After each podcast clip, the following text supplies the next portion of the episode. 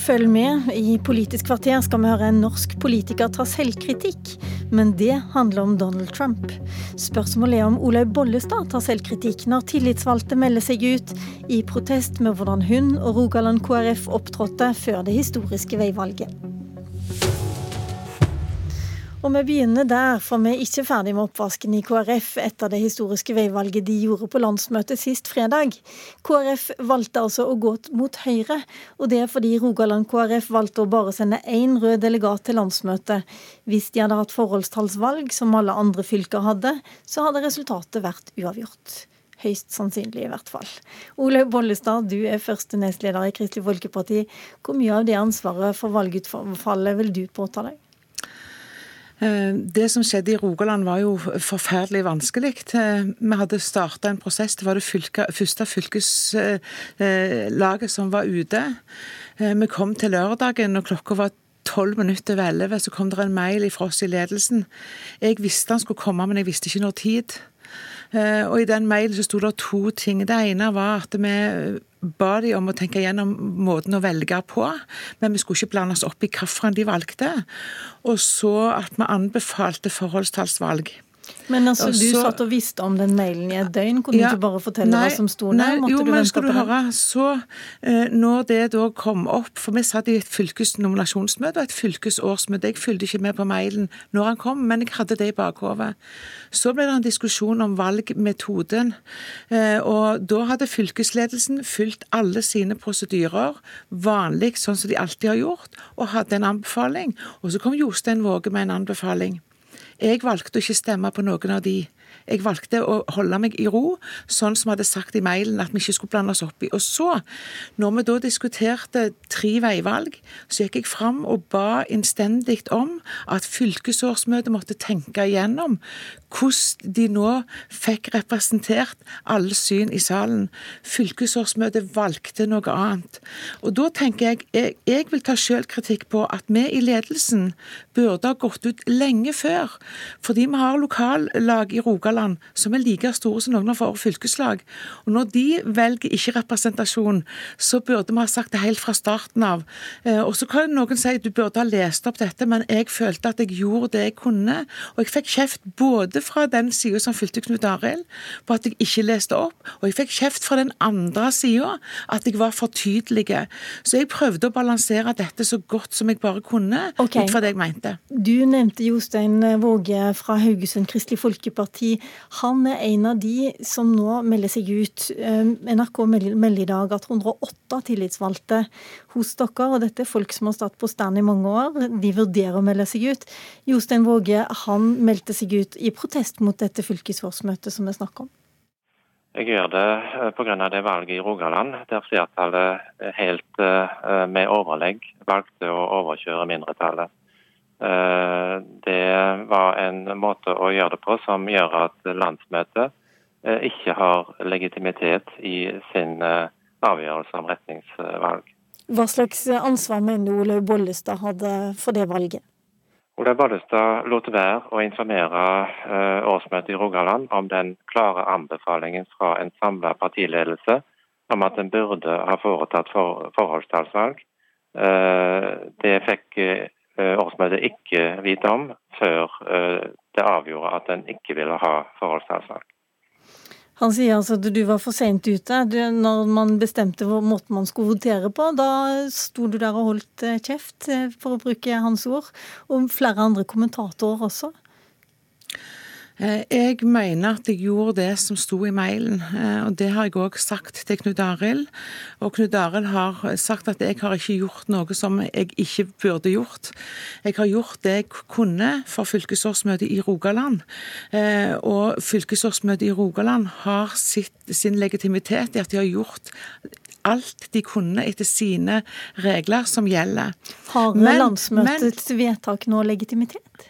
Ja, Det mener jeg det har. For det at eh, Rogaland fylkeslag har tatt sitt valg. Det var en diskusjon om representasjon. Men det jeg vil ta selvkritikk på, og som jeg mener vi i ledelsen må ta selvkritikk på, det er at vi skulle ha sagt at vi skulle hatt representative valgordning helt ifra lokalvalget av. Tidligere, du sa det. Ja, Men fordi, spørre, fordi du, du, har, sa det, du sa ja. har sagt det allerede, så jeg må bare spørre deg om en annen ting. Du sto på landsmøtet, du, og så sa du unnskyld til alle delegatene. Hva var det egentlig du unnskyldte? Fordi vi har hatt en ganske oppheta diskusjon. Eh, enkeltmennesker imellom, led ledere imellom, og da snakker jeg ikke om oss tre i ledelsen. Så jeg eh, vil rekke ei hånd og si at eh, vi, er nødt for å snakke sammen enkeltpersoner, eh, fylkeslag, fordi det har vært sterke beskyldninger som jeg mener ikke har eh, vært meint sånn som de ofte har blitt. Men det var ikke og jeg vil, og var, det, var det noe du hadde sagt? Var det noen grunn til at du skulle si unnskyld? Hva er det du jeg har gjort? Jeg vil strekke en hånd hvis folk føler at jeg har forulempa deg. Men når det gjelder prosessen i Rogaland, så mener jeg at jeg gjorde det jeg kunne ut ifra det jeg visste, og det jeg mente jeg skulle gjøre. Er det sånn at folk i Rogaland tenker, altså, tenker mye på at faktisk utfallet på dette landsmøtet kunne vært annerledes? Jeg tror at folk i Rogaland ikke har en stor bare glede og fryd over det som har skjedd. Eh, jeg tror at Rogaland går igjennom sitt, eh, men òg ser at vi burde gjort noe eh, fra lokallagene og opp for at det skulle være rett representert i hele, hele linja. Det tror jeg at Rogaland KrF er ærlige på. Kan dette ødelegge noe av den styrken dere egentlig trenger når dere skal inn i regjeringsforhandlinger? Nei, jeg er opptatt av at vi er nødt for Når vi, når vi i ledelsen gikk ut og sa at vi ville ha en avklaring på dette, så var vi enige om at vi kunne ikke være der vi var. Og da vil vi Eh, få råd fra hele eh, vårt eh, lag. Og, vi er kalt inn til et ekstra landsmøte nettopp for å gi dette en legitimitet. Og vi var enige om at enten det ble til venstresida eller høyresida, så skulle vi som ledelse stå bak. Og det er grunnen til at vi dro det så langt. Fordi vi syntes det var vanskelig sjøl, og vi ville ha landsmøtet sin godkjenning på det. Olaug Bollestad, du er første nestleder. Hareide har sagt at han går av som partileder eh, når, eh, eller hvis et eh, forhandlingsresultat ligger klart. Er du, er du rede til å ta over? Jeg har alltid tatt de oppgavene som partiet har spurt meg om, men den diskusjonen er der ikke nå. Den diskusjonen som er nå, det er at vi er i sonderinger snart, og så får vi se det resultatet. Og så er det faktisk partiet sitt privilegium å velge sin ledelse. Det tenker jeg, men i min rolle som første nestleder så har jeg den rollen. Men det er det partiet som skal få lov til å velge. Da tenker, sier du noe annet enn Ropstad, for han har jo allerede sagt at han er kandidat.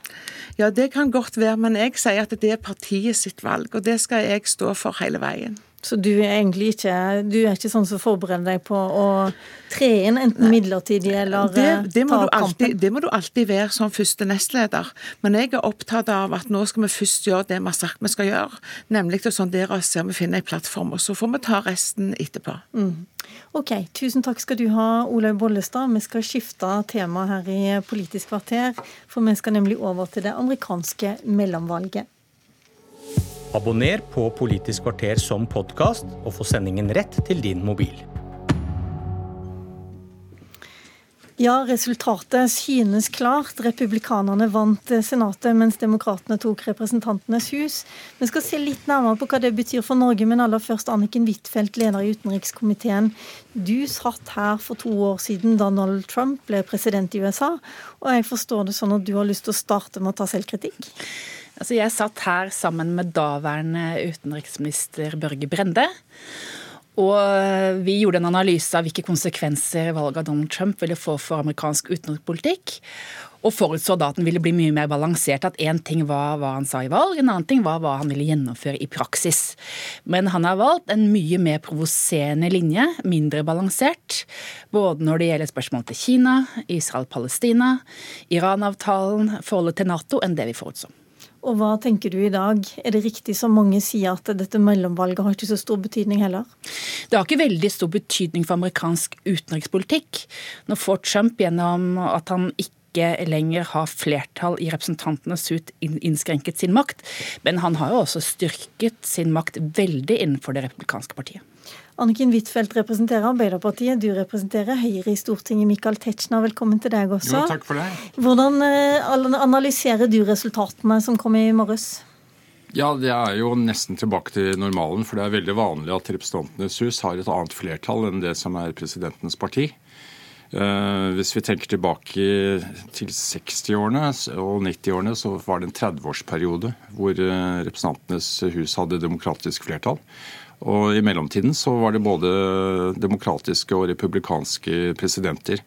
Og de som fikk gjort mest, eh, f.eks. Reagan, eh, republikansk president, som hadde eh, store deler av sin periode med politiske motstandere i Representantenes hus, han utviklet en evne til å samarbeide.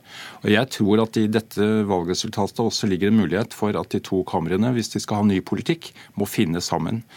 Og Der er jo den amerikanske forfatningen litt uh... Men er det noe som tyder på at disse kan samarbeide noe bedre etter en relativt heftig valgkamp?